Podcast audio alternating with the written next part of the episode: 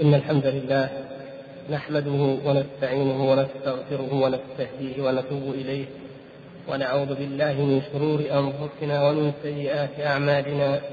من يهد الله فلا مضل له ومن يضلل فلا هادي له. وأشهد أن لا إله إلا الله وحده لا شريك له. وأشهد أن محمدا عبده ورسوله. اللهم صل وسلم وبارك على عبدك ورسولك محمد وعلى آله وصحبه أجمعين. أما بعد أيها الإخوة الكرام فكما وعدنا وتحدثنا في الأسبوع الماضي عن موضوع الجدل وابتدأنا ما ذكر فيما ذكره الشارح رحمه الله عن الجدل وأسلوبه وكيفيته. فرأينا أن الأمر يقتضي أن نتوسع في القول في النهي عن مجادلة أهل البدع ومجالستهم وبيان حرص السلف الصالح رضوان الله تعالى عليهم رضوان الله عليهم من الصحابة والتابعين بعد ظهور أهل البدع على أن لا يجالس أهل البدع وأن لا يجادلوا وأن لا يناظروا. ثم نبين بعد ذلك أو نرد على شبهة من يزعم أن الجدال مطلوب وأنه من الدين وأنه من الدعوة أنه أسلوب من أساليب الدعوة. ونبين متى يلجأ إلى الجدال ومتى يحتاج إليه ومتى يكون الجدال غير مذموم. فلعلنا إن شاء الله نستطيع أن نلم بأطراف هذا الموضوع في هذا اليوم. وقد كنت أو أحببت أن أحيل الإخوة الكرام إلى مرجع واحد. جمع أطراف القضية حتى يسهل عليهم الرجوع إليه والاطلاع على هذه الآثار. فرأيت أن كتاب شرح أصول اعتقاد أهل السنة والجماعة المعروف بالإمام اللالكائي رحمه الله أنه من أشمل الكتب في ذلك مع ما ذكره أيضا الأجري وابن عبد البر رحمه الله في جامع بيان العلم وفضله وما ذكره غيرهم ممن ألف في في العقيدة. فكل من كتب في العقيدة من علماء السلف بالإسناد يتعرض لهذه المسألة.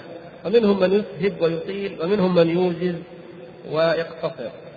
لكن آه اللالكائي رحمه الله من أوسعهم. وقد أتى بالأحاديث ثم بالآثار عن الصحابة وكذلك عن التابعين ومن بعدهم. وهو موجود ومتيسر لكم إن شاء الله. ونحب أن نستطلع هذه القضية ونسأل الله سبحانه وتعالى أن ينفعنا وإياكم بما نسمع وما نقول. يقول رحمه الله تعالى بعنوان سياق ما روي عن النبي صلى الله عليه وسلم في النهي عن مناظرة أهل البدع وجدالهم والمكالمة معهم والاستماع إلى أقوالهم المحدثة وآرائهم الخبيثة. ذكر عدة أحاديث.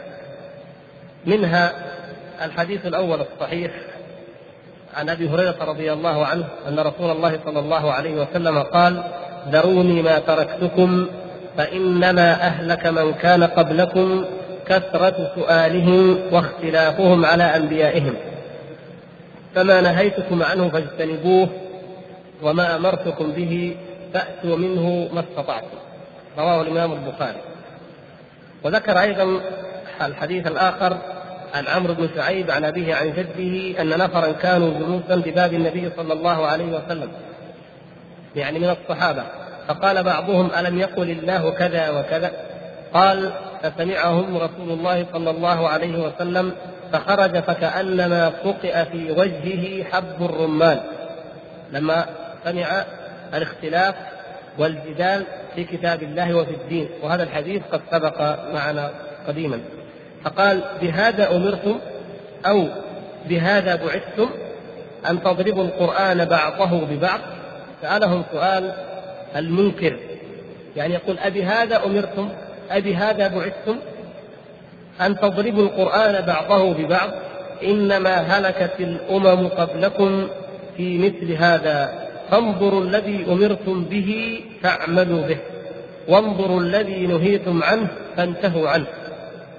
أي وما كان خلاف ذلك وما كان غيبا وما كان مما لا عمل تحته فلا تتجادلوا فيه. ذكر في الحقيقة جملة من الأحاديث لا تخفى عليكم إن شاء الله ومما يعني ذكر وقد ذكرناه فيما سبق أيضا حديث عائشة رضي الله تعالى عنها أن النبي صلى الله عليه وسلم تلا هذه الآية هو الذي أنزل عليك الكتاب منه آيات محكمات هن أم الكتاب وأخر متشابهات حتى بلغ وما يذكر إلا أولو الألباب فقال رسول الله صلى الله عليه وسلم إذا رأيتم الذين يتبعون ما تشابه منه أولئك الذين سماهم الله فاحذروهم أخرجه البخاري ومسلم وقد تقدم أيضا. ثم ذكر أيضا حديثا آخر وهو حديث علي رضي الله تعالى عنه المشهور في الصحيحين وغيرهما أن النبي صلى الله عليه وسلم قال المدينة حرام ما بين عير إلى ثور بين الجبلين المعروفين فمن أحدث فيها حدثا أو آوى فيها محدثا فعليه لعنة الله والملائكة والناس أجمعين لا يقبل الله منه يوم القيامة صرفا ولا عدلا. انظروا هذا حال من آوى المحدثين المحدثين. من أحدث أو من آوى المحدث. وأكثر الروايات فيها فقط من آوى أهل البدع. فكيف بالمبتدع فكيف بمن هو رأس في البدعة والضلالة؟ فهذا كيف كانت كيف عقوبته؟ لعنة الله والملائكة والناس أجمعين. وهذه هي اللعنة التي ذكرها الله سبحانه وتعالى في كتابه عن الكافرين كفرا مطلقا جليا ثم قال لا يقبل الله منه صرفا ولا عدلا. يعني لا يقبل الله منه أي عمل عمل عمله وإن اجتهد في العبادة وإن بذل وسعه وجهده ومشقة في الطاعة في الصلاة في الحج في الجهاد وهو على هذه البدعة وعلى الضلالة وقامت عليه الحجة ورفضها ورفض السنة فإن الله تعالى لا يقبل منه صرفا ولا عدلا. وقيل في مما قيل في من معناه أنه لا يقبل منه فريضة ولا نافلة. المقصود هو بالنفي هو نفي المطلق أن لا أن الله تعالى لا يقبل منه أي عمل. لأن هذا حاله وهذا شأنه من الابتداع. وذكر أيضا حديث عائشة رضي الله تعالى عنها من أحدث في أمرنا هذا ما ليس منه فهو رد. معروف أيضا لديكم جميعا. وأحاديث أخرى أيضا كحديث أبي هريرة رضي الله تعالى عنه. ليسألنكم الناس عن كل شيء حتى يقولوا خلق الله عز وجل كل شيء فمن خلق الله. وهكذا. يعني كما قال أبو هريرة رضي الله تعالى عنه قال الله أكبر ما حدثني خليلي صلى الله عليه وسلم بشيء إلا وقد رأيته أو أنا أنتظره وهو الصادق المصدوق صلى الله عليه وسلم. كل ذلك قد أخبر به النبي صلى الله عليه وسلم ومن ذلك إخباره عما يقع من من الفرقة والبدعة في آخر الزمان. وأمره لنا بأن نتمسك بما كان عليه وأصحابه الكرام. ولذلك سننظر هنا ماذا قال الصحابه الكرام في أهل البدع وكيف عاملوهم ونكون كذلك. ولا نبالي بعد ذلك بمن بقول من قال خير أولئك الصحب الكرام. ومن هذه الأحاديث أو من هذه الآثار ما ذكره رحمه الله عن مجاهد قال قيل لابن عمر إن نجدة يقول كذا وكذا فجعل لا يسمع منه. كراهية أن يقع في قلبه منه شيء من هو نجدة؟ نجدة من؟ ها؟ نعم نجدة بن عامر الحنفي الذي هو زعيم النجدات وهم طائفة من أشد طوائف الخوارج غلوا والعياذ بالله ومن الذي يعرض عن سماع ما يقال عن نجدة ويخشى أن يقع في قلبه منه شيء. من؟ ابن عمر عبد الله بن عمر رضي الله تعالى عنه. انظروا الصحابة الكرام أبعد الناس عن الشبهات وعن البدع. أبعد الناس عن مخالفة السنة. أقوى الناس وأثبتهم إيمانا وأحرصهم على الهدى. ومع ذلك يخاف أن يقع في قلبه شيء مما ينقل عن نجدة بن عامر الحنفي. ومع ذلك يستسهل بعض الناس أن يسمع كلام أهل البدع. بل ربما دافع عنهم بل ربما نشر كتبهم وآراءهم والعياذ بالله. ونقل أيضا آه، رحمه الله آه، أثرين في روايتين إحداهما عن عمر والأخرى عن علي. ولا يبعد أن يقول هذا القول عمر أو علي فالكلام حق وقد يتوارث عليه القلبان أو الخاطران ولا سيما إذا كانا يأخذان من مشكاة واحدة فهو سيأتي قوم يجادلونكم بالقرآن أو بشبهات القرآن أو بمتشابه القرآن سيأتي قوم يجادلونكم بمتشابه القرآن فخذوهم بالسنن. كيف نقاوم أهل البدع بالسنن بالأحاديث؟ انظروا هذا المنهج. بالرد. فإن أصحاب السنن أعلم بكتاب الله. وهذا مما نستدل به على أن السلف لم ينهوا مطلقا عن المجادلة لكن علمونا كيف نجادل ومتى نجادل ونهونا أن نستمع إلى أهل البدع. وهذا له مقام وهذا له مقام.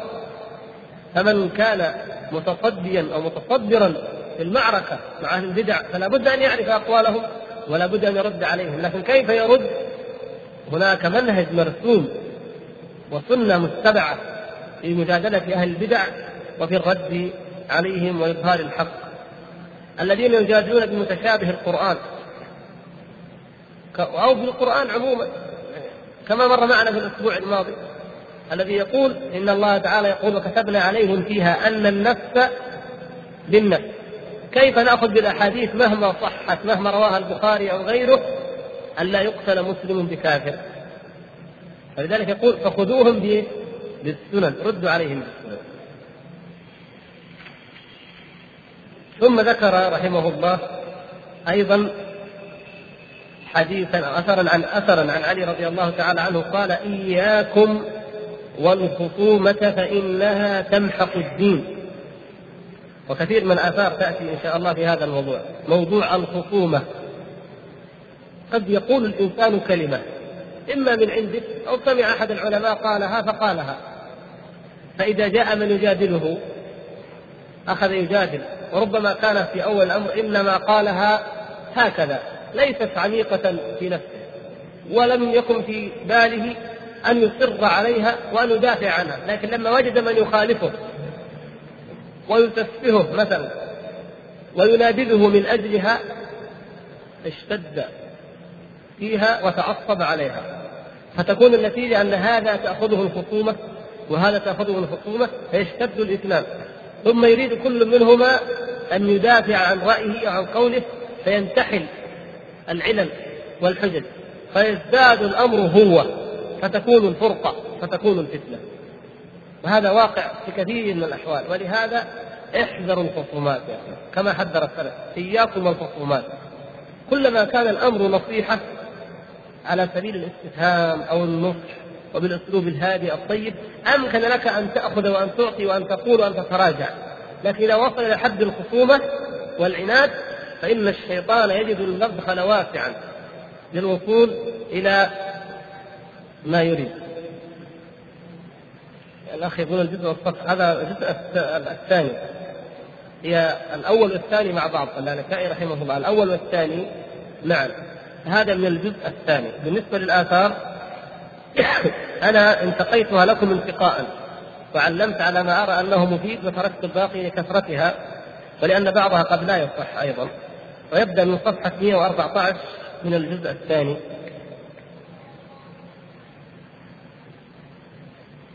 يعني يمكن أعطيكم أرقام الآثار إن حبيتم؟ الحديث الأول رقم 176 والثاني 180 الأحاديث معروفة ما عندكم فيها يعني وتؤخذ من غيره والثالث 187 والرابع 189 ثم 194 ثم آثر ابن عمر ونجدة 199 ثم انتقلنا إلى أثر علي رضي الله عنه 211 وفي 212 عن ابن عباس قال أمر الله المؤمنين بالجماعة. عن علي بن طلحة قال قال ابن عباس رضي الله تعالى عنه أمر الله المؤمنين بالجماعة ونهاهم عن الاختلاف والفرقة. في أي موضع؟ مثال مما أمر الله المؤمنين فيه بالجماعة. واعتصموا بحبل الله جميعا ولا تفرقوا. نعم وغير ذلك. قال وأخبرهم بما هلك به يعني من كان قبلهم أو بما أهلك من كان قبلهم. بالمراء والخصومات. المراء والخصومات.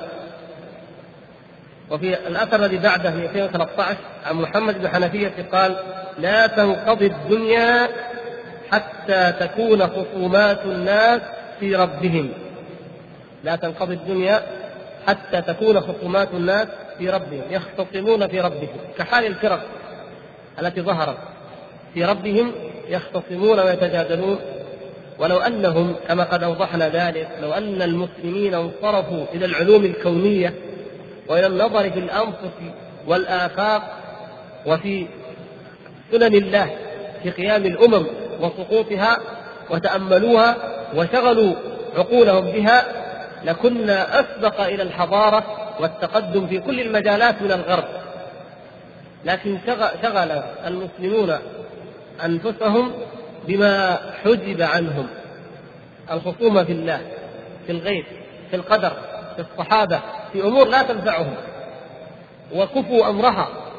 وقد وضحها الله أوضحها الله تبارك وتعالى ووضحها السلف الصالح إن كان فيما حدث فيما بعد. شغلوا بها وتركوا تلك التي أمروا أن ينظروا وأن يتدبروا ويتفكروا فيها. فلما جاءت أوروبا ورفضت دينها واشتغلت بدنياها فتح الله عليها لأن هذه أمور يعني فتح عليها التقدم المادي لأنها أمور مرتبطة بسنن الله الكونية ليست مرتبطة بالكفر والإيمان. هكذا جعلها الله تعالى مرتبطة بالعمل والجد من اجتهد وعمل أخذ وإن كان كافرا. ومن لم يأخذ بتلك الأسباب حرم وإن كان مؤمنا.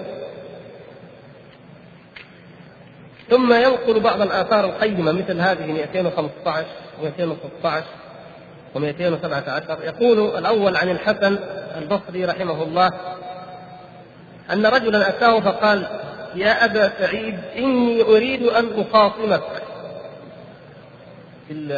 الحسن البصري رحمه الله كان في البصرة كما هو معروف. وأول ما ظهرت الفتن والفرق ظهرت في العراق في الكوفة والبصرة. فجاء رجل وتعلمون أن المعتزلة اعتزلوا حلقة الحسن درس الحسن فظهرت البدع. جاءه رجل من أهل الأهواء قال يا أبا سعيد إني أريد أن اخاصمك تعال نتجادل نتناظر. فقال الحسن إليك عني يعني اذهب أبعد إليك عني فإني قد عرفت ديني وإنما يخاصمك الشاك في دينه. كما في رواية أخرى اظنها عند الاجري أو الدارمي قال ابحث عن شاك اذهب إلى شاك مثلك. الذين يتناظرون ويتخاصمون من هم؟ الشكاك. شاك يتناظر مع شاك ليصلوا ليصلا إلى يقين ليصل جميعا أو أحدهما إلى يقين، لكن يقول أنا رجل على على يقين والحمد لله. ما عندي شك في ديني أناظرك على ماذا؟ اذهب إلى شاك مثلك. أما أنا فقد عرفت ديني. اذا لا يخاصم ويجادل إلا من شك. نسأل الله العفو والعافية. وهذا ينطبق على المتكلمين. كل المتكلمين إنما كانت خصوماتهم بغرض كما يزعمون أن يصلوا إلى الحق. لكن شكاك يناظرون شكاكا. فكانت النتيجة أنهم كما سمعتم وقرأتم عند الموت. ماذا قال الجويني وماذا قال الرازي وماذا قال الغزالي وأمثالهم. ونسأل الله أن تفتنا وإياكم. والأثر الثاني 216 قال عمر بن عبد العزيز من جعل دينه رضي الله عنه هذا هذا الإمام الذي جعله الله تعالى إماما في الحكم والإمارة وإماما أيضا في الدين والهدى. قال من جعل دينه غرضا للخصومات أكثر الشك أو قال يكثر التحول. من جعل دينه غرضا. في بعض الكتب قال عرضة من جعل دينه عرضة للخصومات. أكثر التنقل أكثر التحول يعني أكثر التنقل. اليوم ناقش واحد من المرجئة صار مرجئ. مستعد أنه إذا ناظر أحد يتبع. اليوم الآخر جاء ناظره أحد الخوارج. صار من الخوارج. ناظره معتزلي صار معتزليا وهكذا. فيكثر التنقل ليس لديه ثبات.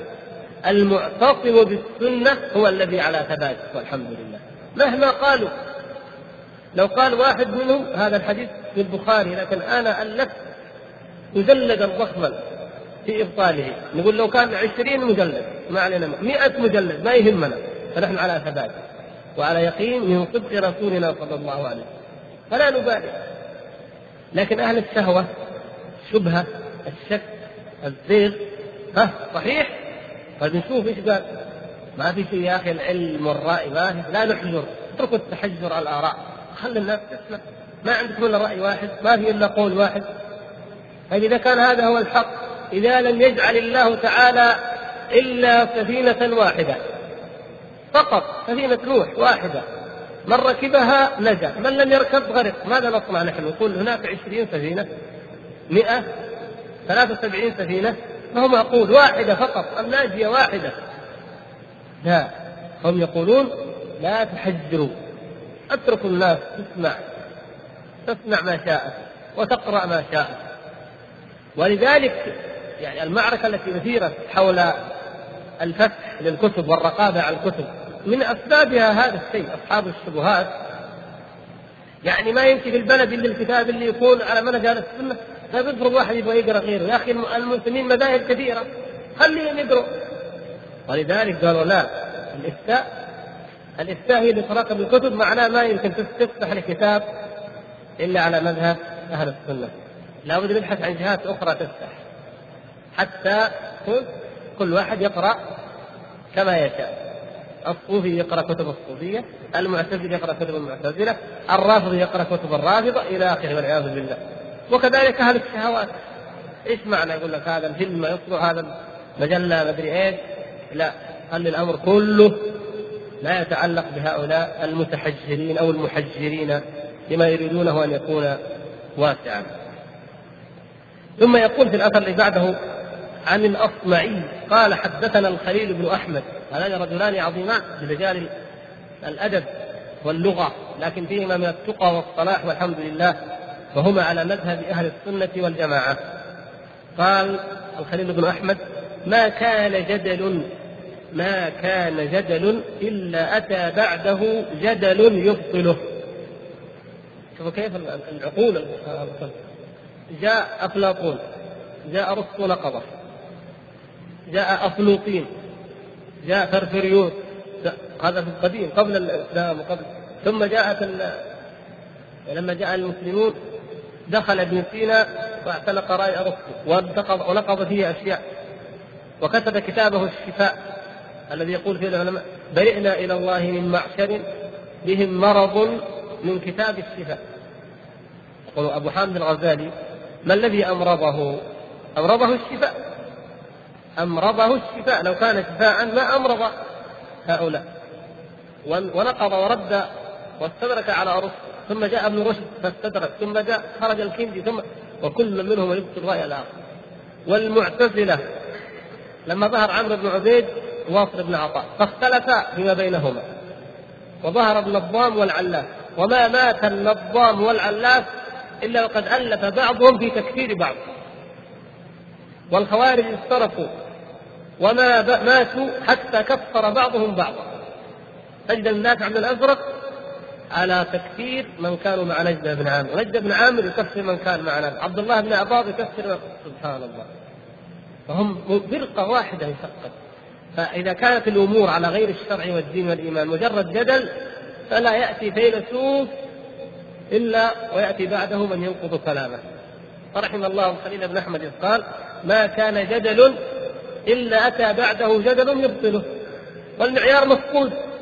في هذه الحالات مجرد جدل إذا كان مجرد جدل بالعقول ما في معيار. لكن إذا سلمنا بالرجوع كما أمر الله تعالى إلى كتاب الله وإلى سنة رسوله صلى الله عليه وسلم وجدنا المعيار الذي نفصل به بين الحق والباطل. وهو معيار غير متهم لأنه من عند رب العالمين الذي يعلم السر وأخفى. وقال قلت للحكم بن عتيبة وهو من خيار التابعين يقول عمرو بن قيس قال سأله ما اضطر الناس ما الذي اضطر الناس إلى هذه الأهواء أن يدخلوا فيها؟ يقول عجيب الناس هذا راح مع الخوارج هذا مع المرجئة هذا مع الرافض ما الذي اضطر الناس أن يذهبوا إلى أهل الأهواء؟ قال الحكم الخصومات الخصومات تجادلوا تخاصموا. تناظروا فذهب كل واحد مع رأيه. وأنت لو جئت إلى شباب في مسجد كلهم يقرؤون كتاب الله ويسبحون ويهللون ويعبدون الله على منهج سليم فأثرت قضية خلافية فيختصمون وسيفترقون. هذا الواقع الخصومات. ولهذا يا شباب الإسلام احذروا الخصومات. واحذروا من يبثها. حتى المسائل العلمية الخلافية تأكدوا أن ما فينا واحد يمكن يأتي برأي ثالث جديد. يعني يبث به الأولين والآخرين. معقول هذا؟ إذا كان فيها رأيين من عهد الصحابة والتابعين فنحن سيميل بعضنا إلى رأي والبعض الآخر سيميل إلى الرأي الآخر. إذا ما في داعي للجدال ولا نتناقش. أبدا ولا نثيرها نأخذ لنحمل الناس وندعو الناس إلى الأصول إلى الجمل الثابتة إلى الأحكام القطعية. وما وسع الصحابة والتابعون والسلف فيه الخلاف والرأي نوسعه أيضا. هذا المنهج الصحيح. ولو أردنا أن نحجر الناس على قول واحد مما وسع السلف فيه القول لكنا بذلك على خطأ ولن ولن نجتمع الناس إلينا. فيكون ذلك على حساب القضايا الأساسية المهمة التي ليس للسلف فيها وليس له ليس للسلف فيها إلا قول واحد وهو إثباتها والدعوة إليها. وفي الأثر رقم 220 عن الأحنف قال الأحنف بن قيس كثرة الخصومة تنبت النفاق في القلب. صدق والله.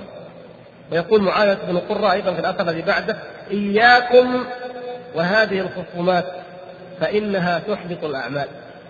أرأيتم الإنسان الذي كل وقته يجادل يجادل يجادل يشعر بلذة الإيمان؟ يشعر بحلاوة الإيمان؟ أن يجد قسوة القلب. وينبت النفاق في قلبه والعياذ بالله.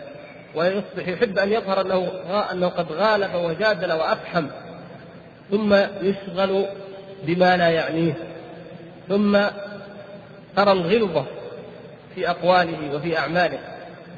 يبعد عن رقة المؤمنين عن خلق النبي صلى الله عليه وسلم عن تعامله صلى الله عليه وسلم بالرحمة والشفقة وكما كان صحابته الكرام يبعد قليلا قليلا حتى يصبح وكأنه على أخلاق أهل البدع والعياذ بالله. وإن كان في ظاهره وفي أصل دعواه على الحق إن شاء الله. لكن لا يا أخي الخصومات كثرة الخصومة تنبت النفاق في القلب. لكن لو أن هذا كان على مجادلة أهل الباطل كما سيأتي إن شاء الله إيضاحها. دفعا للصائل الذي يصور على الإسلام والمسلمين وإلزاما وإفحاما له بما في كتاب الله وما صح عن سنة رسول الله صلى الله عليه وسلم. فهذا في جهاد. هذا في جهاد. والفرق يختلف. فرق بين هذا بين حالة دفع الصائل على الدين وبين حالة الخصومة والمجادلة فيما لا يجوز الجدال فيه.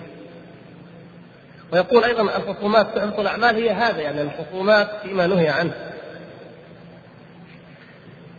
وقال قال هرم بن حيان الأثر الذي بعده صاحب الكلام على إحدى المنزلتين.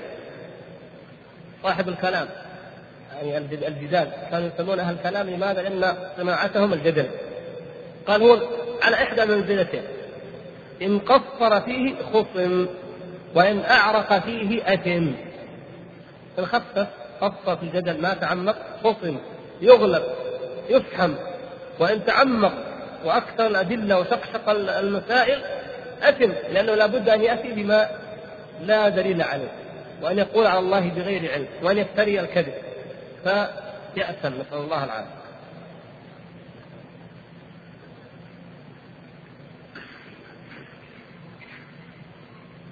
ثم روى أثر 223 عن الفضيل بن عياض قال لا تجادلوا أهل الخصومات فإنهم يخوضون في آيات الله. والله تعالى نهانا أن نجالسهم وأمرنا أن ندعهم الذين يخوضون في آيات الله. وذكر في الأثر الذي بعده قصة أن حماد بن أبي حنيفة وكان من أهل الكلام أتى أو تقدم إلى شريك بن عبد الله القاضي والمحدث المشهور المعروف في شهادة فقال له شريك لا أقبل شهادتك. انظروا العلماء الذين لا تأخذهم في الله ولا في الحق لومة لائم. قال لم ترد شهادتي؟ قال أما إني لا أطعن عليك في بطن ولا فرج. ما أتهمك بأكل الحرام ولا بفعل الحرام الفواحش. عافاني الله وإياك.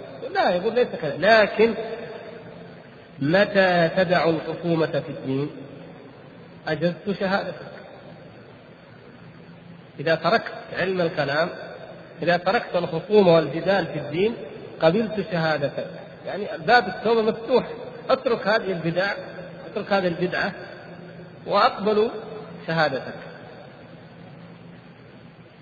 الأثر 227 عن ابن عمر رضي الله تعالى عنه قال ما فرحت بشيء من الإسلام ما فرحت بشيء من الإسلام أشد فرحا بأن قلبي لم يدخله شيء من هذه الأهواء. انظروا كيف.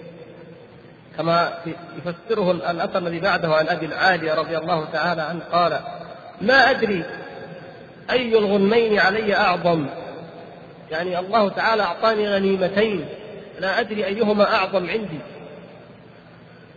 إذ أخرجني الله من الشرك إلى الإسلام أو عصمني في الإسلام أن يكون لي فيه هوى أن يكون من أصحاب البدع. فيقول ابن عمر ما فرحت ابن عمر ما فرحت بشيء من الإسلام أشد فرحا لأن قلبي لم يدخله شيء من هذه الأهواء. لأن ابن عباس وابن عمر كما ترون تلاحظون هنا هؤلاء يتكلمون كثيرا عن الأهواء والبدع. لماذا؟ لأنهم أدركوها لأنهم من صغار الصحابة أدركوها ظهرت. فيحمد الله أن الله لم يجعل في قلبه شيء من هذه الأهواء. يعني يقول ممكن أنفتن ممكن أصبح من الخوارج من الروافض عياذا بالله. فيحمد الله أنه لم يدخل قلبه شيء من هذه الأهواء. وأبو العالية من خيار التابعين يقول ما أدري أي, أي الأمرين أعظم وأغنم بالنسبة لي. أن أن الله تعالى أنقذني من الشرك وهداني للإسلام أو الأخرى أنه عصمني من البدع وجعلني من أهل السنة. انظروا يا إخوان فضل الله سبحانه وتعالى. إذا أنعم عليك فصرت من أهل السنة وتركت أهل البدعة هذه نعمة عظيمة. كثير من الناس لا يقدرها حق قدرها من أهل السنة وبعض أهل البدع لا يقدرون ولو قدروها أو كلهم لو قدروها لتركوا البدعة وأما أبو الجوزاء رضي الله تعالى عنه فقال وروى عنه بالسند قال لأن يجاورني قردة وخنازير أحب إلي من أن يجاورني من أن يجاورني أحد منهم. يعني أهل الأهواء والبدع. قردة وخنازير يقول أحب إلي من أهل البدع. كيف لو واحد في عمله أو في بيته أو في مكان كل ما يفتح الباب ويدخل المكتب وإذا برافضي وإذا بصوفي وإذا بخارجي عياذا بالله. حقا إن من عرف السنة وعرف الدين الحق فإن هؤلاء يكونون أمامه أشد كما قال رضي الله تعالى عنه من رؤية القردة والخنازير. نعوذ بالله من الضلالة. ثم في الأثر رقم 239 هذا أثر عظيم عن ثابت بن عجلان. انظروا كيف. ثابت بن عجلان يقول أدركت أنس بن مالك وابن المسيب والحسن البصري وسعيد بن جبير والشعبي وإبراهيم النخعي وعطاء بن أبي رباح وطاووس ومجاهد وعبد الله بن أبي مليكة والزهري ومكحول والقاسم أبا عبد الرحمن وعطاء الخراساني وثابت البناني والحكم بن عتيبة وأيوب السختياني وحماد ومحمد بن سيرين وأبا عامر وكان قد أدرك أبا بكر الصديق ويزيد الرقاشي وسليمان بن موسى. كم هؤلاء؟ اثنان وعشرون من الأعلام. يقول كلهم يأمروني في الجماعة أو بالجماعة وينهوني عن أصحاب الأهواء. شوف هذه الوصية العظيمة. هؤلاء الأعلام الكبار كلهم وصية واحدة. تعال يا يا ثابت بن العجلان بعد أن علموه وكانوا وهم العلماء الربانيون. يا ثابت العجلان انتبه احذر أهل الأهواء. كن مع الجماعة عليك بالجماعة التي هي السنة والحق وأهل الحق. واحذر أهل الأهواء واحذر الزيغ واحذر الفرقة. قال بقية الراوي عنه ثم بكى بكى هو. تذكر هذا وبكى ثابت بن عجلان رضي الله تعالى عنه. وقال أي ابن أخي ما من عمل أرجأ ولا أوثق من مشي إلى هذا المسجد. يوصيه بماذا؟ بالصلاة. الصلاة. التي كثيرا ما تضيع من أجل الهوى والخصومات. نسأل الله العفو والعافية. لو حملنا الناس ودعونا الناس طلبة علم أو كائنا من كان إلى الصلاة وعرفناهم قيمة الصلاة والعبادة والطاعة والذكر لكان خيرا لهم وأفضل من هذه الجدالات وهذه الخصومات. فليدعى الناس إلى ذلك. إذا كان الناس كثير منهم يعرضون عن أداء الصلاة فما الفائدة أن تطرح عليهم قضايا خلافية؟ لا تنفعهم في شيء. الناس تركوا الأصول التي بتركها قد يخرجون من الملة كالصلاة من تركها فقد كفر. فنحن أحوج ما نكون أن نكثر القول في هذه الأمور في التوحيد أولا وبيان الشرك وفي السنة وبيان البدعة ثم في هذه الواجبات الأساسية. هكذا يجب أن نحمل الناس وأن ندعو الناس. يعني فرق بين جلوسنا نحن طلبة العلم بعضنا مع بعض نتذاكر أو نقرأ وبين ما نثيره أمام العامة أمام عامة الناس. ندعو العامة إلى الجمل الثابتة من الكتاب ومن السنة ولا نغرقهم وندخلهم في هذه المتاهات وقد نص شيخ الإسلام ابن تيمية رحمه الله مرارا وتكرارا على هذه المسألة. هذا الذي يجب أن يكون في منهج الدعوة إلى الله سبحانه وتعالى. وقال أيضا روى في الأثر 240 عن الحسن كان يقول لا تجالسوا أهل الأهواء ولا تجادلوهم ولا تسمعوا منهم. وفي الأثر 242 قال دخل رجلان بالسند هذا كله بالسند طبعا أنا اقرا أحذف السند كله بالأسانيد كما تعلمون لا لك دخل رجلان على محمد بن سيرين من أهل الأهواء. شو أهل الأهواء كيف؟ يروحوا الحسن يقولوا تعال ناظر. يروحوا لابن سيرين يقولوا تعال. يروح ما يتركوا أحد. فلذلك لو الدعاء يطيعونهم ضيعوا أوقاتهم. لا تبالي به. لا تنظر إليه. لا تبالي به. قال فقال يا أبا بكر أحدثك بحديث. شوفوا كيف الحيلة. أهل البدع قالوا تعال يا أبا بكر. محمد بن نحدثك بحديث حديث. نقول لك حديث عن رسول الله صلى الله عليه وسلم. قال لا. قال فنقرأ عليك آية من كتاب الله. قال لا. ولا آية لا تقرأ عليها. قال تقومان عني وإلا قمت. حتى آية لا تقرأ عليها إما أن تقوما وإلا قمت. أنا لا يمكن أن أن يعني يجتمع وهم. قال فقام الرجلان فخرجا. ذهب أصحاب الهوى هؤلاء. فقال بعض القوم كانوا معه رضي الله عنه ما كان عليك أن يقرأ آية؟ إيش يضر لو قرأ آية؟ خليه يقرأ آية. قال إني كرهت أن يقرأ آية أن يقرأ آية فيحرفانها فيحرف فيقر ذلك في قلبي. ومن يخرجها بعدين؟ افرض قرأوا آية فحرفاها يعني أولا في المعنى مو اللفظ طبعا اللفظ. فوقع هذا المعنى في قلبي. من يخرجه يعني؟ شوف السلف حرصهم على قلوبهم أن تبقى نقية. ولا حتى آية. لأن يجيب لك آية. فيبدأ يشكك. ويقول لك الآية هذه تدل على ما أقول. ربما ربما كما قال عمر وعلي رضي الله تعالى ربما أن بعض متشابه القرآن وبعض آيات القرآن بظاهرها أو بوجه ما من وجوه الدلالة تدل على ما يقولون. لكن عندما نجمع الأدلة نجمع أطراف الموضوع ننظر لا تدل. لكن ما يدريك أن هذا المعنى الذي قد يقال يأتي فيقع في قلب صاحبه. نسأل الله العفو والعافية. يعني الكلام في هذا كثير. أنا أذكر قصة واحدة فقط على هذا كيف يعني لما جاء آه، رجل إلى إلى ابن الجوزي. وتعرفون ابن الجوزي عفى الله عنه يعني على علمه وعلى فضله في الحديث وعلى ما له من قدر عند العلماء. لكنه لما تتلمع على ابن عقيل وقر في قلبه. وهذا أيضا شاهد انه ابن عقيل أثر في من؟ في ابن الجوزي. فأخذ منه أشياء منها نفي الصفات فجاءه رجل يكلمه في الرؤيا واحد يعني يبدو انه من العلماء كلمه في ماذا؟ في رؤية الله وفي لقاء الله وأن يعني ثم أخذ بحث معه فقال آه، التأويل كيف تقول بالتأويل؟ كيف نؤول؟ فقال له أنا أقول لك أو يعني معنى القصة أن أنت لابد أن تؤول قال كيف؟ قال ماذا تقول في قول الله تعالى فأعقبهم نفاقا في قلوبهم إلى يوم يلقونه قال هل المنافقون يرون الله؟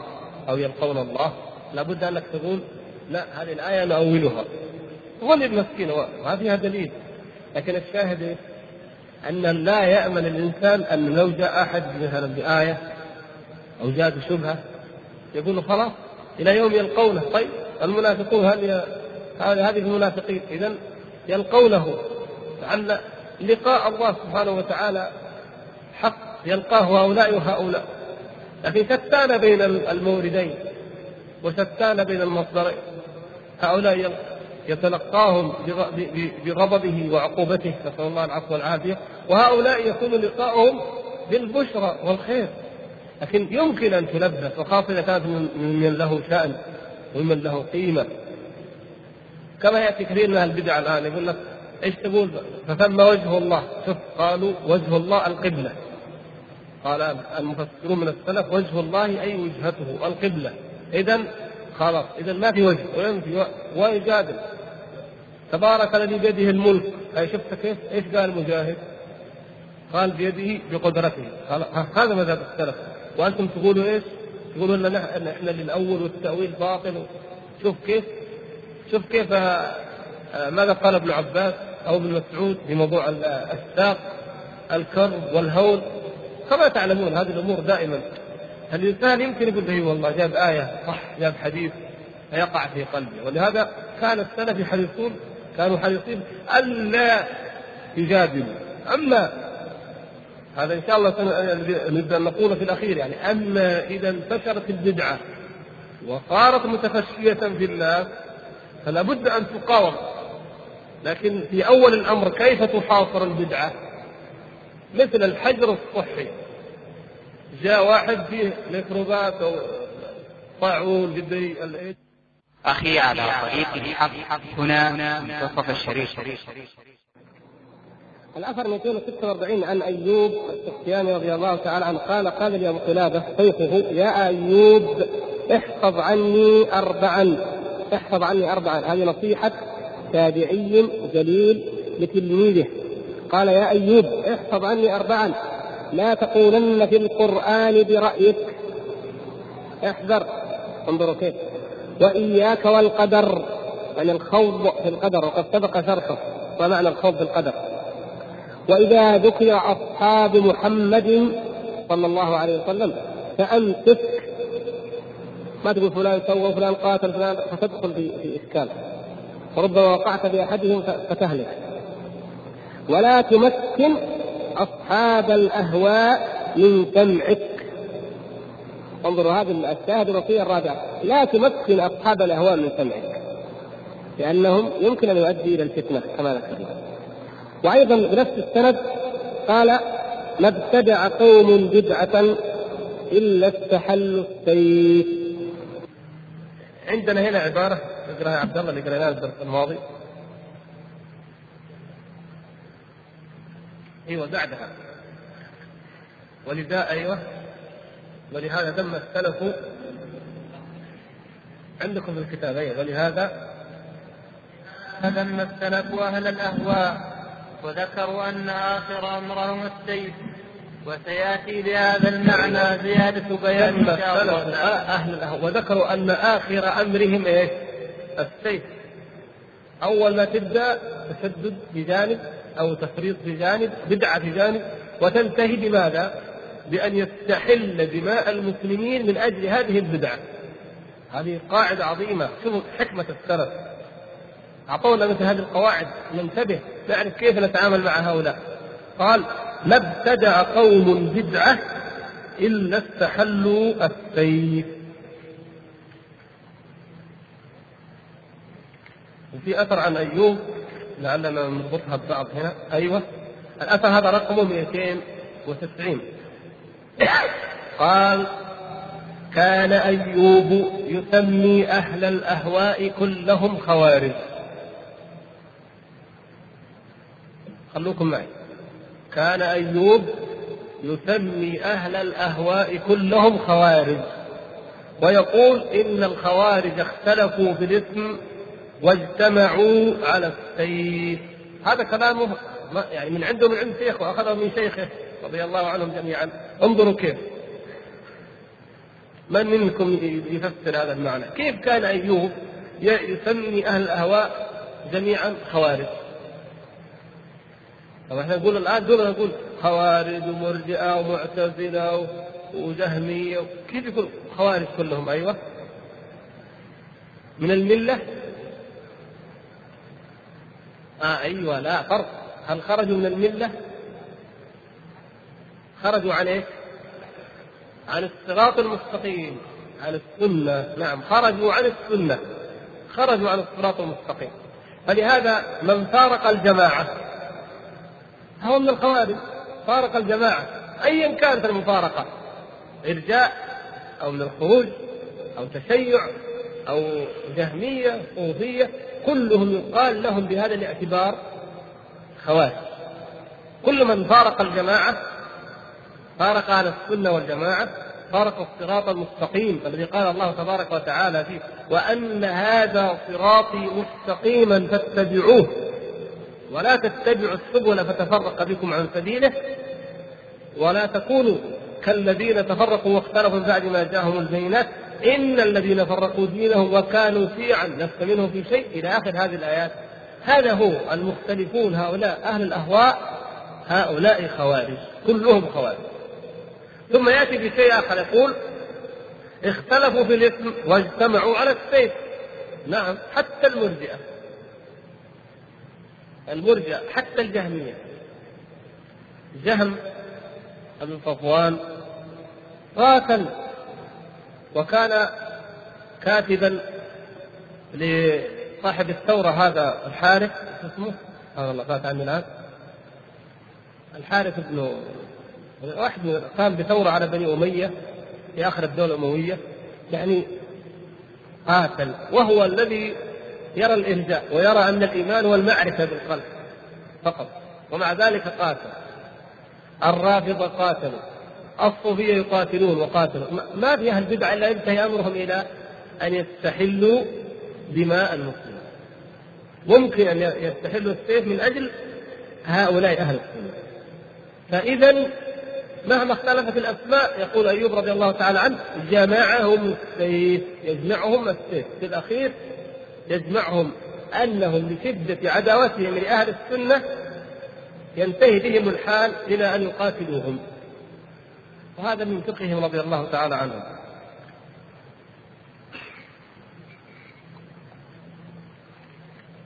وفي الأثر 248 آه قال عبد الرزاق حدثنا معمر قال كان ابن طاووس جالسا فجاء رجل من المعتزلة قال فجعل يتكلم. قال فأدخل ابن طاووس إصبعيه في أذنيه.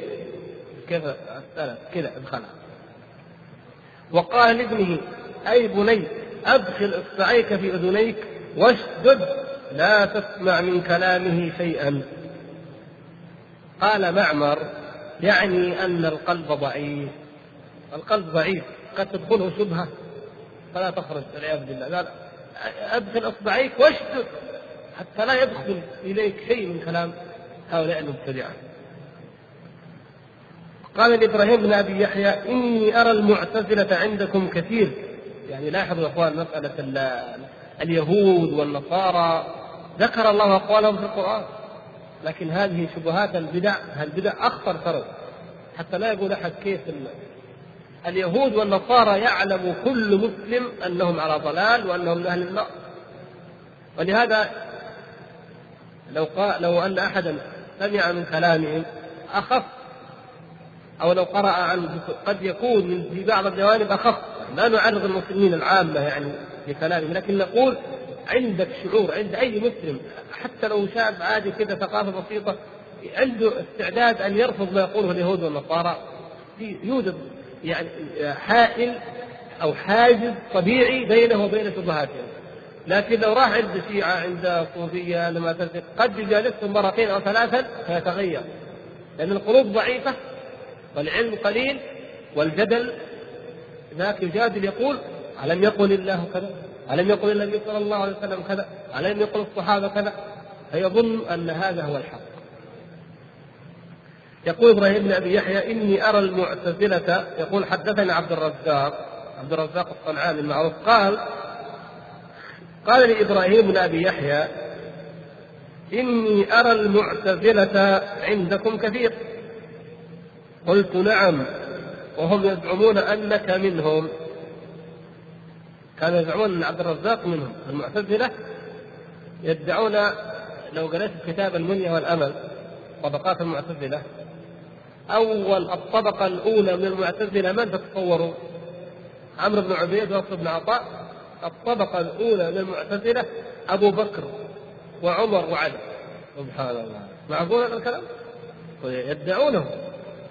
وإذا شفت كتاب حليه الأولياء ويتكلم عن الصوفية أول الصوفية اللي ذكرهم أبو بكر وعمر وعثمان وعلي. سبحان الله. هكذا يدعي أهل الأهواء. وإن كان يعني أبو نعيم يعني أتاه يعني رحمه الله غفر لنا وله. يعني جاءه الخطأ من ظنه أن التصوف هو الإسلام لكن الشاهد واحد وهو ان قد يلبس الإنسان فيحسب أن هذه البدع لها أصول. المقصود قالوا قال نعم ويزعمون أنك منهم يا عبد الرزاق. يعني سبحان الله يعني الفتن قديمة. يعني هذه بلوى قديمة. انه قد يقال آه، اتهم الحسن البصري بانه من المعتزلة وانه من القدرية. بسبب كتاب كتبه لعمر بن عبد العزيز. قد يبتلى بعض أهل السنة بان ينسبوا إلى بعض البدع. لكن الله المستعان. يقول قال أفلا تدخل معي هذا الحانوت حتى أكلمك؟ قلت لا. قال لما؟ قلت لأن القلب ضعيف وإن الدين ليس لمن غلب. قال لا يا يا إبراهيم لا لا تكلمني لا تقول قالوا كذا وما لا لا. قال أدخل الحانوت شوية أقول لك بس إيش يقولوا؟ قال لا تكلمني ولا تقول لي لأن القلب ضعيف. لا أريد أن أسمع هذا الكلام أصلا. وهنا في هذا الأثر يعطينا عمر بن عبد العزيز رضي الله تعالى عنه قاعدة عظيمة أيضا. يقول آه، عن الأوزاعي يعني الحديث هذا سنده عجيب يعني. حدثنا عبد الرحمن بن مهدي قال حدثنا عبد الله بن المبارك عن الأوزاعي عن عمر بن عبد العزيز. شوف كيف هؤلاء الجبال. قال إذا رأيت قوما يتنادون في دينهم بشيء دون العامة فاعلم أنهم على تأسيس ضلالة. كيف بدأت الضلالات؟ شوية خوارج يتناجون. كل الناس في المسجد اثنين وثلاثة عندهم مشوشة. سيؤسسون ضلالة سياتون في بدعة. سبحان الله. يعني لا نقول هذا في حالة ظهور البدع وقلة أهل السنة حتى تكون السنة مناجاة كما حصل لما تسلطت الروافض أيام العبيديين وغير البويهيين وغيرهم. لا ما هو هذا المقصود. المقصود إذا كان العامة كما كان في عهد عمر بن عبد العزيز رضي الله عنه العامة على السنة والعلماء موجودون وظاهرون والحق واضح. ما معنى أن يتناجى اثنان في أمور الدين؟ معنى ذلك أنهم على تأسيس بدعة وضلال لو كانت حقا لا لا لا أعلنت ولا قيلت ليس المقصود المناجاة يعني التشاور في أمر من أمور من أمور الدعوة أو تبليغ الدعوة لا. لكن يتناجون في في أمر من أمر الاعتقاد نفسه. هذا نعتقد؟ ماذا نفعل؟ لماذا؟ واضح المسألة. لكن يقول لك لا. أول ما يبدأون الخوارج أول ما بدأوا تكلموا في العلماء وطعنوا فيهم. لما ذهبوا إلى أبي مجلس لما ذهب ابن عباس طعنوا فيهم قالوا هؤلاء في ركب السلطان. هؤلاء العلماء في ركب السلطان مع السلاطين مع بني أمية. يعني حجزوا أتباعهم عن سماع كلام العلماء وإن كان بعضهم من الصحابة ليس مجرد أي علماء. يعني. بعد ذلك أخذوا يبنون عليهم ما يشاءون تربية محدودة خاصة. القرامطة كذلك. وهكذا. فالمناجاة في الدين بالاعتقاد بأصول الإيمان بأمر دون ما عليه عامة الناس في وقت ظهور السنة وإعلانها محل شك. تريد تدعو إلى شيء من الدين من السنة والسنة ظاهرة والعلماء علماء السنة ظاهرون موجودون أظهرها أعلنها لهم. لكن يقول لك لا لا تأخذ رأي العلماء في هذه المسألة. معروف رأيهم لا, لا تقربهم. سبحان الله. طيب لماذا لا أخذ منهم؟ إذا ممن آخذ؟ يعني هذه مما ينتبه إليها. وقد كفانا السلف الصالح والله كفونا رضي الله عنه. أين المتبعون؟ أين المتبعون؟ وإلا في الطريق الطريق ممهد مذلل معبد. قال حماد بن سلمة في الحديث الأثر 253 قال يونس بن عبيد لا تجالس سلطانا ولا صاحب بدعة وفي الذي بعده قال رجل لسفيان وأنا أسمع يقول أحمد بن يونس يا أبا عبد الله أوصني قال إياك والأهواء والخصومة وإياك والسلطان. وفي الأثر ما ذكره هنا لكنه مشهور. عن ميمون بن مهران ثلاثة جعلها ثلاثة. الثلاثة اللي لا تقربها لا تمسها لا تأتيها وإن كنت تظن أن فيها خير. وإن خيل إليك أن فيها خير. ثلاثة المرأة. والسلطان وصاحب البدعة. يقول ميمون بن مهران رضي الله تعالى عنه لا تجلسن أو لا, لا تخلون بامرأة ولو أن تعلمها القرآن. ما أعوذ بالله إحنا ما إحنا قاعدين نسوي شيء قرآن ولو مظنة الفتنة والوقوع في المعصية واردة وإن كانت مادة اللقاء القرآن أو الحديث أو الموعظة أو الدعوة. مثلا لا تخلون بامرأة قال ولا تجلسن إلى صاحب بدعة ولو أن تناظره أو تجادله تقول لا أنا قصدي أقيم عليها الحجة وكذا. تجلس معه ربما استسلمت أنت. ولا تجلسن إلى صاحب السلطان ولو أن تعظه. والله تقول أنا بروح للحجاج ولا لفلان ولا وتقول هذه أيامهم. وعلى كل حال فتنة عامة. يقول لو أنا ما قصدي إلا اوعظ وانصر هذه الثلاثة مهلكة. ولا يعني ذلك أن لا يذهب عالم إلى سلطان ولا أن يناظر أهل البدع لكن السلف لما حذرونا منها حذرونا كأصل. يعني اجعل الأصل عندك أن لا تذهب. فإذا قررت أن تذهب ضع الضوابط الطويلة والمنهج الدقيق السليم. لأن جلوس الإنسان مع أهل البدع كما سبق. هو واضح. وجلوسه مع أهل السلطان لا يخلو لا بد إما أن يمدحهم بما ليس فيهم ما يعني قد يرى ذلك على سبيل الدعوة فيمدح بما ليس فيه فيفتنه وإما أن يرى منكرا فلا يستطيع إنكاره فيسكت عليه فيأثم. وإما أن يرى منكرا فينكر فيغضبهم فيناله الأذى. يعني على أي وجه قلبتها مشكلة. فتنة شر. أبتعد ابتعد عنه. لكن إذا اضطر الإنسان إلى موقف من مواقف الحق شيخ الإسلام ابن تيمية رحمه الله أخذ علماء دمشق ودخل على قازان. يقول يعني اسمه هو نسيته واحد من العلماء المهم قال كنت أرفع ثوبي أرفع ردائي حتى لا يقع فيه دم ابن تيمية. ممكن يعني يقطع رأسه مما مما اشتد عليه شيخ الإسلام وتكلم. لماذا؟ لأن هذه كلمة حق عند سلطان جائر لابد أن تقال والنبي صلى الله عليه وسلم يعني أمرنا بها وجعلها من الجهاد. ولما قال الصحابة في حديث عبادة أفلا ننازعهم ولا نقاتلهم؟ قال لا ولكن مما بايعهم عليه قال إيش؟ وأن نقول بالحق ولا تأخذنا في الله لوم فلان لابد من قول الحق. فإذا تعين على عالم أن يقول كلمة الحق فليقولها وإن قتل فهو سيد الشهداء. هو حمزة ومن؟ ورجل قام إلى سلطان جائر فأمره إلى سلطان جائر فأمره ونهاه فقتل. هذه مواقف معينة مخصوصة حالات معينة. لكن الأصل الأصل في حياتك في حياة الدعاة والعلماء البعد عن مجالس الكبراء قال آه، سفيان أيضا يقول المسلمون كلهم عندنا على حالة حسنة إلا رجلين. يعني يقول الأمة الإسلامية حالها طيب وفيها خير وعلى حالة يعني أقرب إلى الخير منها إلى الفتنة إلا رجلين صاحب بدعة أو صاحب سلطان لأنه هذا تأتيه بدعته بالشبهات وصاحب السلطان يغره سلطانه فيقع في الظلم والجور إلا من رحم الله وكان من الراشدين. الأثر 259 عن الأوزاعي عن يحيى بن أبي كثير قال إذا لقيت صاحب بدعة في طريق فخذ في غيره. أبعد خذ طريق أخرى. حتى لا تضطر أنك تسلم عليها وتكلمها وتنظر إليها وتقاتلها.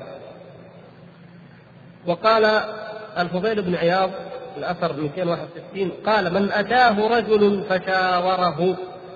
هذا الحقيقة أثر من من أعظم الآثار كما في أيضا آثار غيره.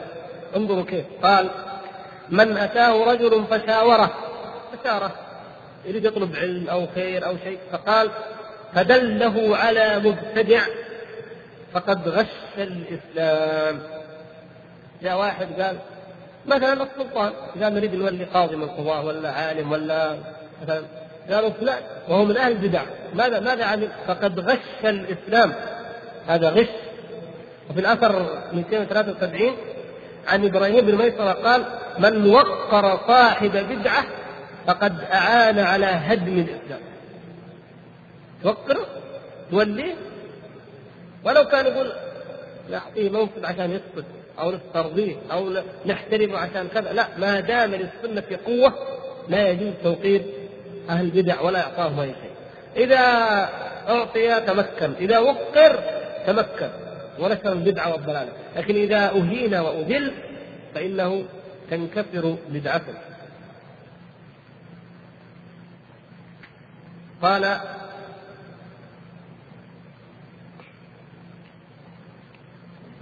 الأثر الذي بعده آه، قال حدثنا عبد الله 274 حدثنا عبد الله بن عمر السرخسي عالم الخزر قال أكلت عند صاحب بدعة. أكلة مرة. من عزم عند واحد من أهل البدع أكل أكلة. فبلغ ذلك ابن المبارك عبد الله بن مبارك رضي الله عنه الإمام المجاهد الداعية. قال ها عبد الله بن عمر الصرف يأكل عند اصحاب البدع أكلة. قال فقال لا كلمته ثلاثين يوما. دفع الثمن غالي. ثلاثين يوم. وعبد الله بن مبارك ما يكلمه. لأنه أكل أكلة عند صاحب بدعة. بروكيت رضي الله تعالى عنه. وما بقي من الآثار في هذا يعني تجمل ويمكن نجملها في آه، آثار 276 و 79 81 عن الأعمش عن إبراهيم وعن الحسن وعن أبي عن كثير أبي سهل. يقول ليس لصاحب البدعة غيبة. وقال الحسن ليس لصاحب بدعة ولا لفاسق يعلن بفسقه غيبة. وقال كثير يقال أهل الأهواء لا حرمة لهم. لا تتحرج إنك تقول كيف أذكره؟ يجي بعض الناس يقول يا أخي اتقوا الله تغتابوا العلماء تغتابون الدعاء تتكلموا في المسلمين. إذا كان هذا فعلا داعية وعالم ومن أهل السنة فاتق الله فعلا ويجب عليك أن تتقي الله فيه. لكن إذا كان من أهل البدع ليس لأهل البدع غيبة ولا حرمة بل يجب أن يحذر منه يعني يجب معناها كما دائما ننبه ما هو معناه أنه في أي وقت في أي زمان كيفما اتفق؟ لا يجب معنى ذلك. كل كلامنا معناه في وقته المناسب وفي مكانه المناسب. يعني بالأسلوب المناسب. المهم أننا ندين الله باعتقاد أنه يجب أن يفضح ويشهر حال أهل البدع وأن تحذر الأمة من بدعتهم. فليس لهم. صاحب البدعة والفاسق المجاهر بفسقه واحد ينشر في جريدة يقول نريد الاختلاط نريد كذا مثلا مجاهد بفسقه جيت تقول له لا يا شيخ لا لا تغتاب الناس لا تتكلم في الناس. سبحان الله. رجل هو مجاهد هو ما أنا ما تكلمت فيه بشيء يعني كما النبي صلى الله عليه وسلم بين حد الغيبة. ذكرك أخاك بما يكره. أخاك المسلم الذي على منهجك على السنة على الحق تذكره بأمر يكرهه. هذا شيء وأما من جاهر بمعاداة الحق وأهله وأعلن بالذنوب والمعاصي واحد فاتح بنك بنك يقول هذا فلان ياكل الربا. يقول لا لا تغتاب الناس لا كذا هو فاتح بنك. قالوا إيش إيش اقتدت أنا؟ مجاهر. ها؟ وهكذا. فيجب أن نعرف أيضا كيف نضع الأدلة في موضعها. لأن من الناس من يأتينا بالورع الكاذب. الورع الكاذب هذا يريدون أن يبطلوا به كلام أهل السنة. ما هو لنا إحنا الآن؟ ذهبوا إلى علمائنا في الأول.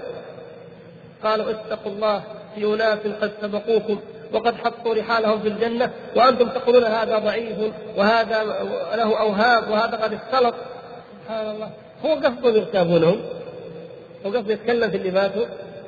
لا كيف يحفظ الدين إلا أن نقول إنه ضعيف أو أخطأ أو كان فيه كذا أو ك... لا بد أن لا بد أن يقال. وإن كان يكره ذلك لو كان في حياته ما يمكن يقول قد واحد أنت ضعيف حديثك ضعيف. طبعا يغضب.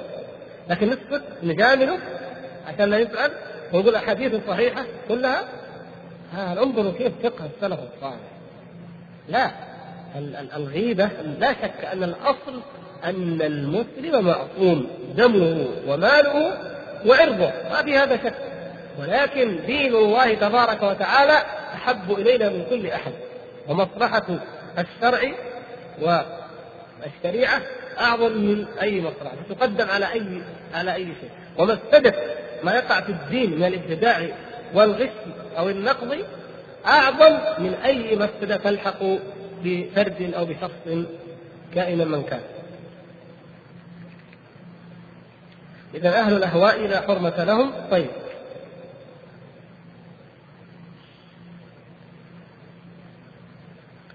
ومن ذلك هذا الأثر العظيم الذي قد تحدثنا عنه آه، مرارا قال جاء رجل إلى مالك بن أنس فسأله فقال قال رسول الله صلى الله عليه وسلم كذا. فقال أرأيت لو كان كذا؟ يقول خلاص الحديث فهمنا بس لو كان كذا أفهم أنت الحديث واعمل به وإذا وقع شيء بعدين تسأل قال مالك فليحذر الذين يخالفون عن أمره أن تصيبهم فتنة أو يصيبهم عذاب سبحان الله ماذا قال الإمام أحمد؟ ماذا قال الإمام أحمد في هذه الآية؟ الفتنة ما هي؟ قال الإمام أحمد الفتنة الشرك سبحان الله يعني يقال له قال رسول الله صلى الله عليه وسلم فيعترض عليه فيخالف فيقع في ماذا؟ في الشرك. أن يرد شيئا ما جاء به النبي صلى الله عليه وسلم فيقع في الشرك. قال فقال مالك بعد ذلك قال أو كلما جاء رجل أجدل من الآخر رد ما أنزل ما أنزل جبريل على محمد صلى الله عليه وسلم. يقول أنا قلت قال رسول الله صلى الله عليه وسلم يجادل معي كله كانت الأمور بالجدال كان كلما جاء واحد أجدل من الآخر نرد ما قاله النبي صلى الله عليه وسلم ما أنزله جبريل على محمد صلى الله عليه وسلم وناخذ بجدله فلا نستقر. يعني هذا يذكرنا بكلمة عمر بن عبد العزيز رضي الله تعالى نكثر إيش؟ التحول. نبقى كل يوم ننتقل من دين إلى دين ومن رأي إلى رأي. نختم بهذا الأثر العظيم. يعني يكتب بماء الذهب. شوف كيف. قال علي بن المديني رضي الله تعالى عنه ومن تعلمون قدره ومنزلته. قال من قال فلان مشبه علمنا أنه جهمي. ومن قال فلان مجبر أو مجبر علمنا أنه قدري. ومن قال فلان ناصبي علمنا أنه رافضي. يا سلام شوف كيف هالبدع. تبغى تعرف هالبدع تمام؟ شوف أي كتاب من كتب البدع قال وكان رجل وكان من المشبهة. أعرف إنه هو إيش؟ هذا رجل من الجهمية ويتكلم في من؟ أهل السنة. مشبه أي واحد من السنة يثبت الصفات قالوا هذا مشبه كيف مشبه؟ يا أخي يثبت لله يد يثبت لله عين. هذا هذا مشبه. يا سبحان الله. من الذي أثبت؟ الله أثبت لنفسه. ما أثبت لنا هذا قال لا تشبيه. يا رجل ليس كمثله شيء. هل قال أحد أهل السنة أن اليد كاليد أو الوجه كالوجه أو العين كالعين؟ ما أحد قال هذا والحمد لله. كيف تقول مشبه؟ ومن قال فلان جبري أو مجبر أو مجبر علمنا أنه قدري. فلان وكان من الجبريه وكان جبريا إذا قرأت هذه كلام المعتزلة وأشباههم تعرف تعلم أنهم قدرية. يعني أي واحد تقرأ كلام ما دام اتهم قال مثلا حماد أو قال إن الإمام أحمد أو قال ابن المبارك جبري. واحد يتهم ابن المبارك إنه جبري أو يتهم يزيد بن هارون أو فضيل بن عياض أو عبد الرحمن بن مهدي أو يحيى بن سعيد أو أو من علماء الإسلام هؤلاء جبرية. نعرف إنه هو إيه؟ قدر. تمام. قال ومن قال فلان ناصبي. الله أكبر. هذا الرواب فلان كان ناصبيا. إيش معنى ناصبي؟ إيه ناصبي هذا لأنه كان يعادي أهل البيت يعادي علي يعادي الشيخ ناصبي كذا. فإذا وجدنا العبارة هذه علمنا أن هذا من نبذ الروافض ومن ألقاب الروافض التي ينبذون بها أهل السنة. يعني تقريبا نحن على نهاية هذا الفصل وهو فصل عظيم و نقدر نقرأ هذا الكلام والله كم باقي من الوقت؟ نقدر نقرأ كلام شيخ الإسلام عشان ننتهي من الجدل. في وقت؟ طيب الحمد لله. لا باقي شوف الشمس هناك. فنقرأ يعني هذا كتاب الرد على المنطقيين. قلنا لكم آه أننا سنأخذ الجدل وماذا قال فيه العلماء. وخاصة كلمة الشيخ هنا في موضوع الجدل.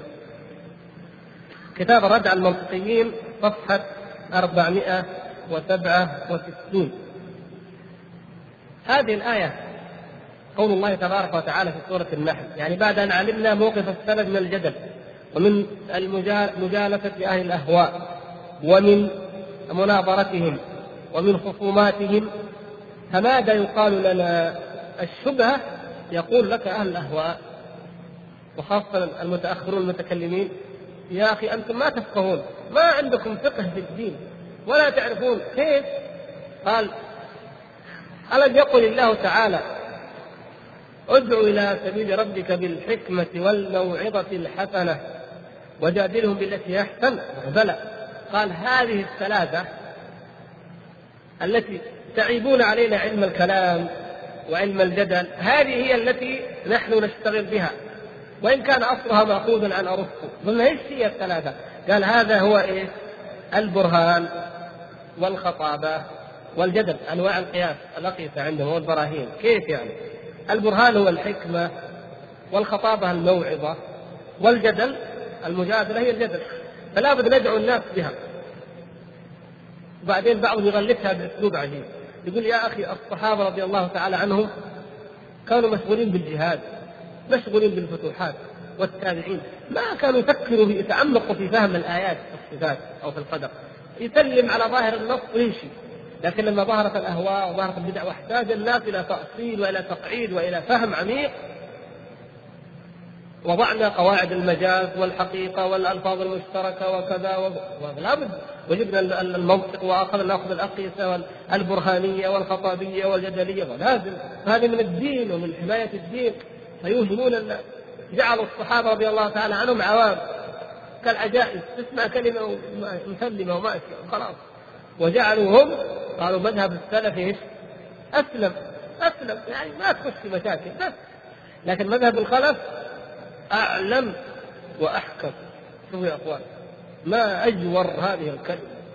والله جائرة جدا أعوذ بالله. أعلم وأحكم. ورثت عمرو بن عبيد والنضار والعلاف وبرغوث وأمثالهم. أعلم وأحكم ممن ورثوا الهدى والكتاب عن محمد صلى الله عليه وسلم. قال لك كذا.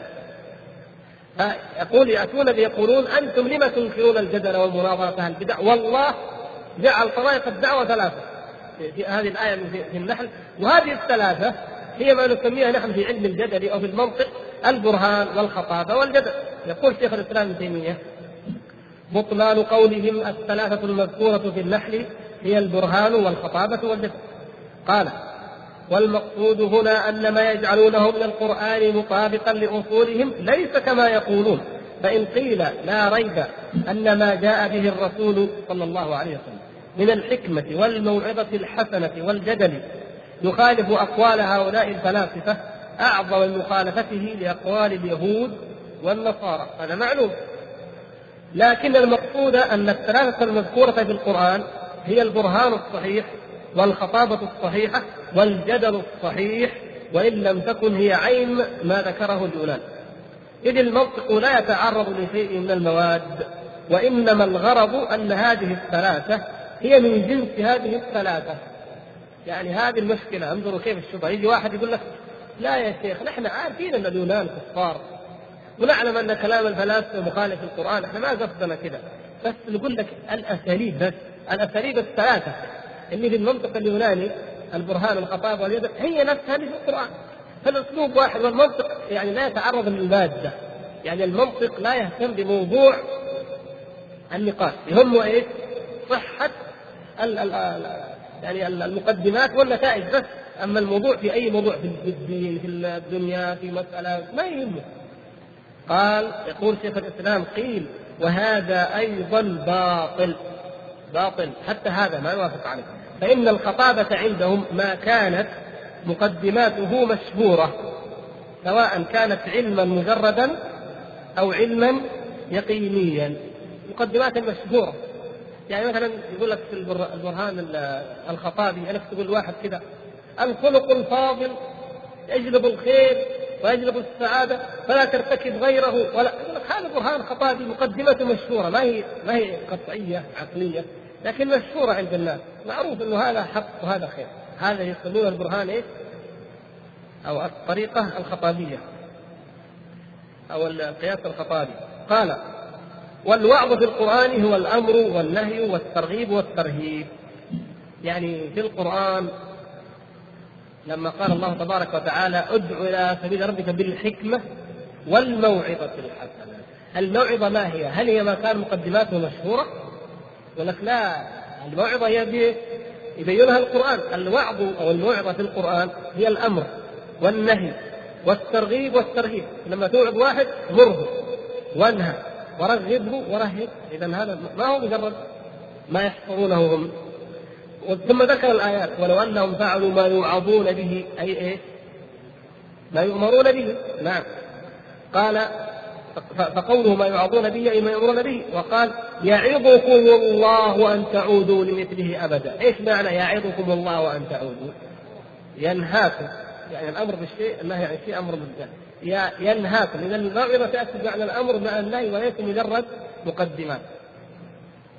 قال والقرآن ليس فيه شوفوا كيف شيخ الإسلام رحمه الله قال القرآن ليس فيه أنه قال ادعو إلى سبيل ربك بالحكمة والموعظة الحسنة والجدل.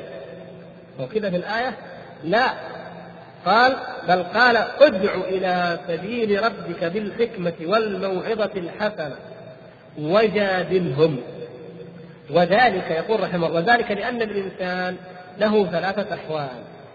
انظروا كيف هذا الفقه رحمه الله. الإنسان له ثلاثة أحوال. إما أن يعرف الحق ويعمل به. وإما أن يعرفه ولا يعمل به وإما أن يجحده. هذه ثلاثة أحوال للناس جميعا. فأفضلها أن يعرف الحق ويعمل به. وهذه هي الحكمة. ادع إلى سبيل ربك بالحكمة. وهذا أغلب دعوة النبي صلى الله عليه وسلم كانت بماذا؟ بالحكمة. الصحابة رضوان الله تعالى عليهم خاصة عرفوا الحق وعملوا به وكان النبي صلى الله عليه وسلم يدعوهم بها. يدعوهم يعني يربيهم عليها. المعرفة موجودة الاستعداد العملي موجود. فكان النبي صلى الله عليه وسلم يربيهم بالحكمة ويأخذهم قليلا قليلا. وقد يوعظ قد يعظ النبي صلى الله عليه وسلم قد يعظ. هذا غير الصحابة يعني الخلة قد يعظ. قال والثاني أن يعرفه لكن نفسه تخالفه. عارف أن الزنا حرام لكن خالفت نفسه. أكل الربا أكل الحرام. فهذا إيه يوعظ ولا توافقه به. قال فصاحب الحال الأول هو الذي يدعى بالحكمة. فإن الحكمة هي العلم بالحق والعمل به. فالنوع الأكمل من الناس من يعرف الحق ويعمل به فيدعون بالحكمة. والثاني من يعرف الحق لكن تخالفه نفسه فهذا يوعظ الموعظة الحسنة. الأول يعمل بالحق يعرف ويعمل به. إيش تقول؟ تقول له؟ تقول له هذه الآية كذا تقولها في موضعها. ترى هذا حرام في الموضع الذي يفعل. فيفعل مستعد. هذه حكمة. تقول الشيء أنت في موضعه وهو يفعله في موضعه فتكون دعوت بالحكمة وهو عمل بالحكمة أيضا. الحالة الثانية يخالف. يعلم لكن يخالف. أخبر إخوانك في الله يعني عصى يعني رأيت عليه الحراق رأيت هذا إيش؟ تعبه يا أخي اتق الله وأنت فعلت كذا وهذا لا يجوز وأنت كذا وتنصحه وتتعظه قال فهذا يوعظ الموعظة الحسنة. فهاتان هما الطريقان. الطريقان للدعوة هاتان. الحكمة والموعظة الحسنة وليست أي موعظة. قال وعامة الناس يحتاجون إلى هذا وهذا يعني إلى الحكمة وإلى الموعظة الحسنة. فإن النفس لها هوى تدعوها إلى خلاف الحق وإن عرفته فالناس يحتاجون إلى الموعظة الحسنة وإلى الحكمة فلا بد من الدعوة بهذا وهذا. وأما الجدل فلا يدعى به. شفتوا يا شباب كيف؟ إحنا مخطئين في مناهج الدعوة. يقول شيخ الإسلام وأما الجدل فلا يدعى به. شوف واحد يعمل معصية يقول تعال أنا أثبت لك أنك أنت غلطان. ما هو أسلوب دعوة؟ هذا أسلوب إيه؟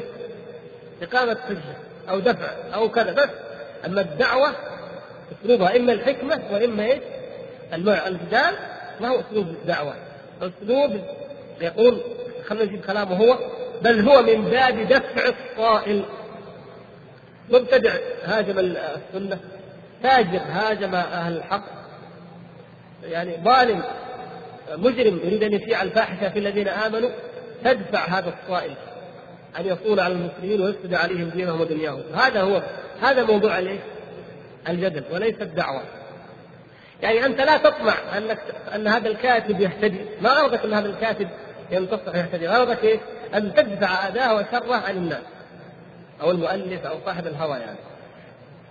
قال فإذا عارض الحق معارض جودل ذلك المعارض للتي هي أحسن. ولهذا قالوا فجادلهم فجعله فعلا مأمورا به مع قوله ادعهم. يعني قال ادعهم ادعو إلى سبيل ربك بالحكمة والموعظة الحسنة. هذا شيء انتهى. قال إيش؟ وجادلهم بالتي هي أحسن.